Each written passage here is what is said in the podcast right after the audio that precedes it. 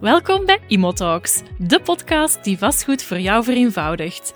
Ik ben Sophie van de Wallen, vastgoedmakelaar en oprichter van Imosur. Met meer dan 15 jaar ervaring in het notariaat en als makelaar gecombineerd heb ik een mooie expertise opgebouwd.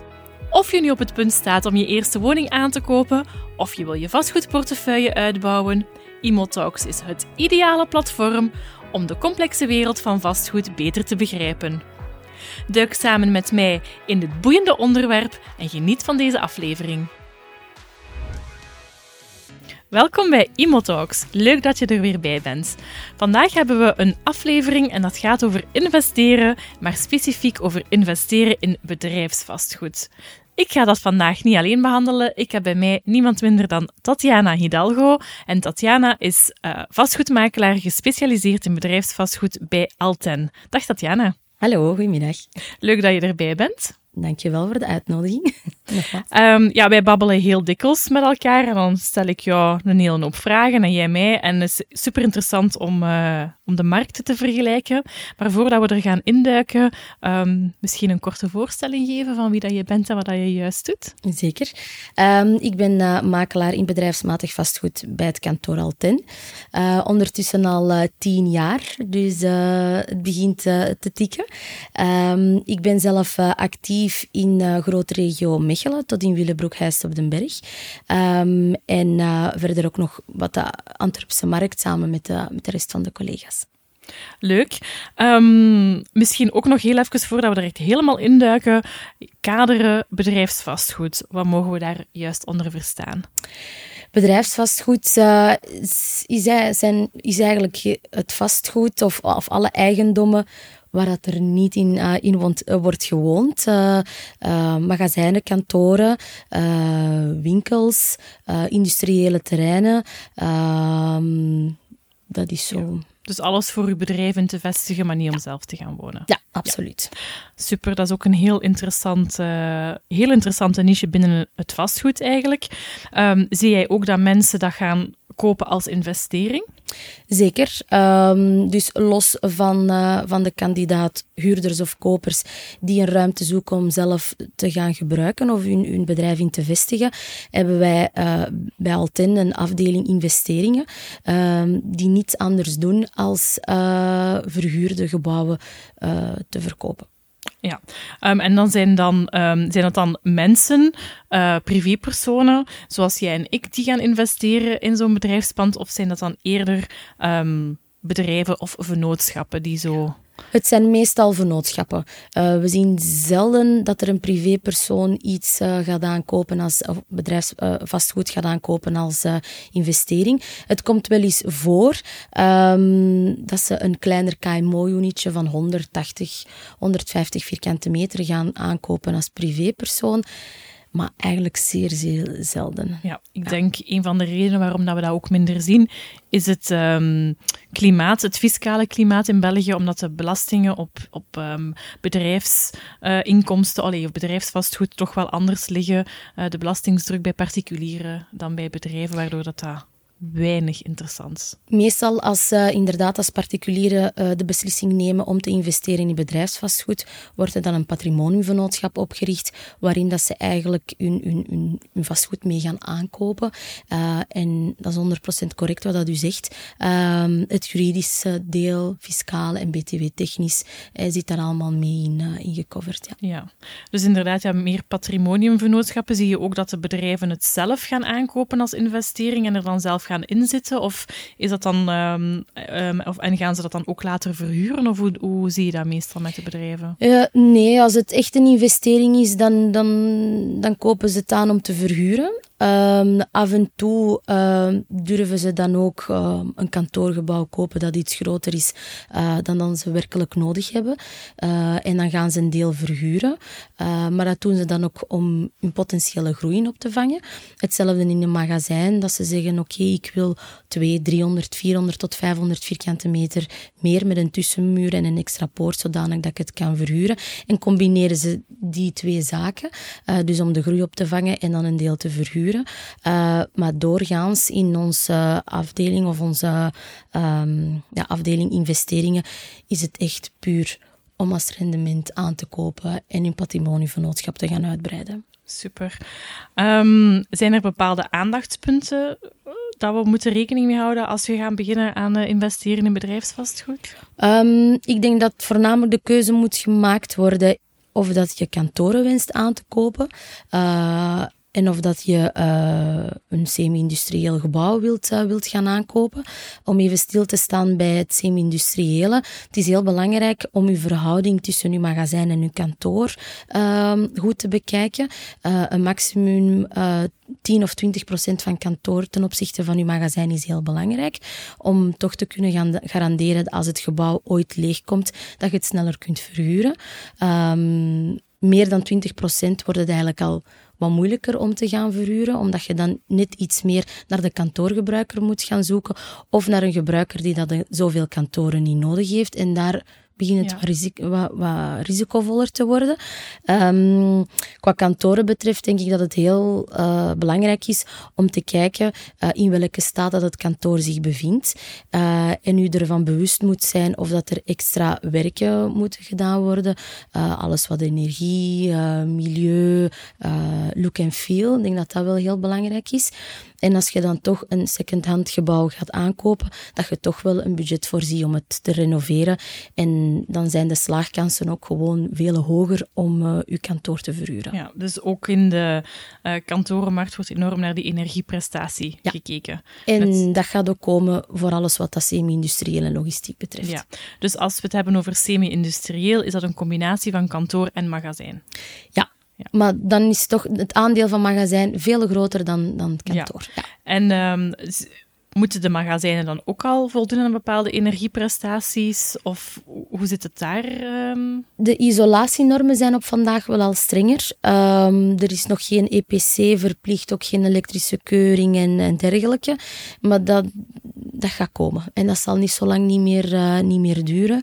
Uh, men wil eigenlijk ja, die regel doortrekken naar alle type gebouwen. Ja. Uiteraard, als we gaan investeren in bedrijfsvastgoed, niet onbelangrijk, allee, heel, heel belangrijk zelfs, de rendementen. Wat mogen we daar verwachten? Kan je daar een gemiddelde op plakken? Um, het is allemaal wel relatief en afhankelijk van het type vastgoed, de ligging, de staat, verhouding tussen het magazijn en het kantoor. Uh, als het dan een kantoor, alleen maar een kantoor is, hoe zien die kantoren eruit? Hoe is de bouw? Um, maar ja, we zijn natuurlijk op vandaag uh, in een iets moeilijkere markt. Een paar jaar geleden uh, werd er gemakkelijker op risico verkocht. De prijzen waren ook zeer hoog. Um, en keek een investeerder minder uh, naar zijn risico's. Op vandaag is een investeerder zeer voorzichtig geworden en gaat hem zijn risico toch wel nauwkeurig bekijken vooraleer dat hem de beslissing neemt. Um, en ik denk, allee, vandaag, het, ik spreek nogmaals, het is een gemiddelde, afhankelijk van waar het onroerend goed gelegen is, eh, zitten we toch tussen de 5,5 en de 8,5, waar we eigenlijk een jaar geleden of een jaar en een half geleden, geleden tussen de 4 en, en de 7,5 zaten. Dus ja, dat zijn een aantal factoren. Ja, het grote tekort aan, aan goed, goed product. Um, de banken die, uh, die niet zo gemakkelijk niet meer zijn. De interesten die, die verhoogd zijn, dat beïnvloedt eigenlijk toch wel uh, die rendementen. Ik veronderstel dat we het dan hebben over het bruto uh, rendement. Ja, ja, ja, ja, klopt. Dat is echt wel een heel mooi rendement dat er kan gehaald worden op bedrijfsvastgoed. Bij residentieel ligt dat toch een pakje lager op dit moment. Ja, um, ik denk dat het grootste verschil um, is dat een investeerder uh, mikt op lange termijn uh, huurovereenkomsten. Dus hoe langer uw termijn, hoe interessanter dat het wordt en, en hoe happiger dat een investeerder is. Uh, dus dan spreken we minimum van een zes jaar of een negen jaar vast. Dus dat is, dat is, één ding. Langs de andere kant um, neemt een huurder in bedrijfsmatig vastgoed heel veel taakjes op zich. Daar spreek ik over een onderhoud, um, betaalt de onroerende voorheffingen en dergelijke. Dus er zijn net iets minder zorgen voor een eigenaar of een investeerder. Um, ik denk dat dat zo wat de, de, de factoren zijn die dat ook uh, beïnvloeden. Um, en dan zijn er ook nog een, een, een aantal andere voordelen die dat ja, denk ik, het verschil maken met, resi met residentieel Absoluut, absoluut. Um, zie je bepaalde opportuniteiten in de markt? Um, moeten we eerder kijken naar een KMO-unit aan te kopen als we denken aan investeren in vastgoed? Of wat zou jij adviseren? Um, ik denk dat het op vandaag net iets uh, interessanter is om naar KMO-units te kijken. Alhoewel dat we daar dan tegen het probleem aanbod, uh, dat er niet zoveel aanbod is, omdat er weer een tekort is aan terrein en aan product. Dus het is niet zo evident. Um, langs de andere kant kijken heel veel investeerders naar hetzelfde product. Um, en ook iets kleinere zelfstandigen die wat aan hun pensioen willen denken. Dus daar is weer heel veel vraag. En je voelt dat de projectontwikkelaars op vandaag een, een rem houden eigenlijk aan de, aan de investeerders die op een KMO-park kopen. Dus het is altijd wel het gemakkelijkste. Een magazijnunitje kopen en een huurder voor vinden, zeker voor 200, 300 vierkante meter, daar is altijd vraag naar. Dus ik zou denken van zeker in een KMO-unitje investeren of in een semi-industrieel gebouw met een heel mooi evenwicht tussen uw kantoor en uw magazijnen. Daar denk ik altijd dat er een huurder voor zal zijn. Voor kantoren is het op vandaag iets moeilijker en zou ik het misschien iets minder aanbevelen. Ja, oké. Dat is super duidelijk. Um, je zegt een KMO-unitje van 200 à 400 vierkante meter. Dat is misschien. dat voor, voor veel mensen is dat al een mooie KMO-unit. Absoluut, ja. Um, zie jij, eh, kan je daar ergens zo, stel nu een KMO-unit in een mooi bedrijventerrein rond um, regio Mechelen, rond deze regio waar dat we eh, goed bekend zijn. Wat is daar ongeveer de gemiddelde prijzen vierkante meter? Die prijzen zijn de laatste jaren ook enorm gestegen, uh, doordat de gronden zeer duur uh, geworden zijn. De bouwprijzen zijn dan ook gestegen. Dus de verkoopprijzen van de units zijn gigantisch omhoog gegaan. Uh, een paar jaar terug, dat spreek ik toch wel over drie, vier jaar. Ik kocht me een unitje van 200, 300 vierkante meter, of 100 vierkante meter, aan, aan 1000, 1250 euro uh, de vierkante meter. Op vandaag zitten we al aan 1700, uh, 1750 en 1900 euro de vierkante meter. Dus dat is echt wel een heel groot verschil. En dan beïnvloedt natuurlijk ook de, de verhuurprijzen, waardoor dat wij hier op vandaag tussen de 60 en de 75 euro de vierkante meter per jaar zitten uh, om een unitje te mogen of, of te verhuren. Ja, maar super, uh, super interessant. Um, als laatste, toch misschien even nog stilstaan bij de financiering.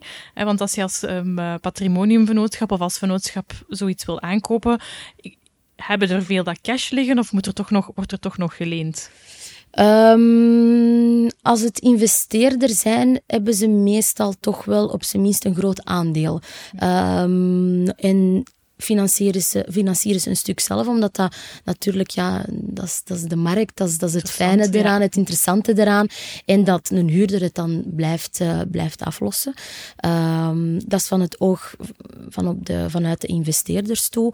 Uh, vanuit de ogen van een gebruiker, um, die gaan meestal wel allee, proberen toch het maximale te financieren. Oké. Okay. Um, en uh, krijgen zij vlot een, uh, een lening bij de bank of moeten ze daar ook al wat meer moeite voor uh, gaan doen? Merk je daar een verschil? Mm, ik, nee, de investeerders hebben het eigenlijk net iets gemakkelijker, omdat die ook al meestal een eigen inbreng hebben of al op een andere manier middelen hebben. Ja. een waarborg kunnen ja, geven. Eigenlijk, voilà, ja. ja. Dan, een, dan een eindgebruiker super. Ik vond het een heel interessante aflevering. Um, ik denk als we dat een beetje kunnen samenvatten, dat uh, bedrijfsvastgoed zeker een vast deel kan uitmaken van een mooie diverse uh, portefeuille die je gaat opbouwen. Een spreiding van je risico kan betekenen in uw um, vastgoedportefeuille. Um, en zeker uh, het overwegen waard is. Hè. Absoluut. En wij hebben verschillende investeerders of, of klanten die dan het eigenlijk gaan vergelijken met residentie residentieel vastgoed. En denken van, hm, het is toch wel net iets gemakkelijker. Um, en we zien dat ze, dat ze ons zelfs vragen van, oké, okay, kun je ons residentieel portefeuille niet verkopen? Want we willen eigenlijk volledig overschakelen naar bedrijfsvastgoed. En dan meestal voornamelijk in, uh, in magazijnen. Ja, vooral, belang, vooral interessant inderdaad voor patrimoniumvennootschappen of vennootschappen die willen gaan investeren. Minder interessant voor de privé-investeerder, uh, bedrijfsvastgoed. Maar in alle geval, Ehm, heel hartelijk bedankt voor je tijd. Veel plezier. Ehm, het was super interessant om daar eens even bij stil te staan. Hartelijk bedankt om te luisteren naar deze aflevering uh, van Talks, alles over het investeren in bedrijfsvastgoed. Wil je toch nog even kort een samenvatting van deze aflevering? Kijk dan zeker in de show notes hieronder. Tot de volgende keer.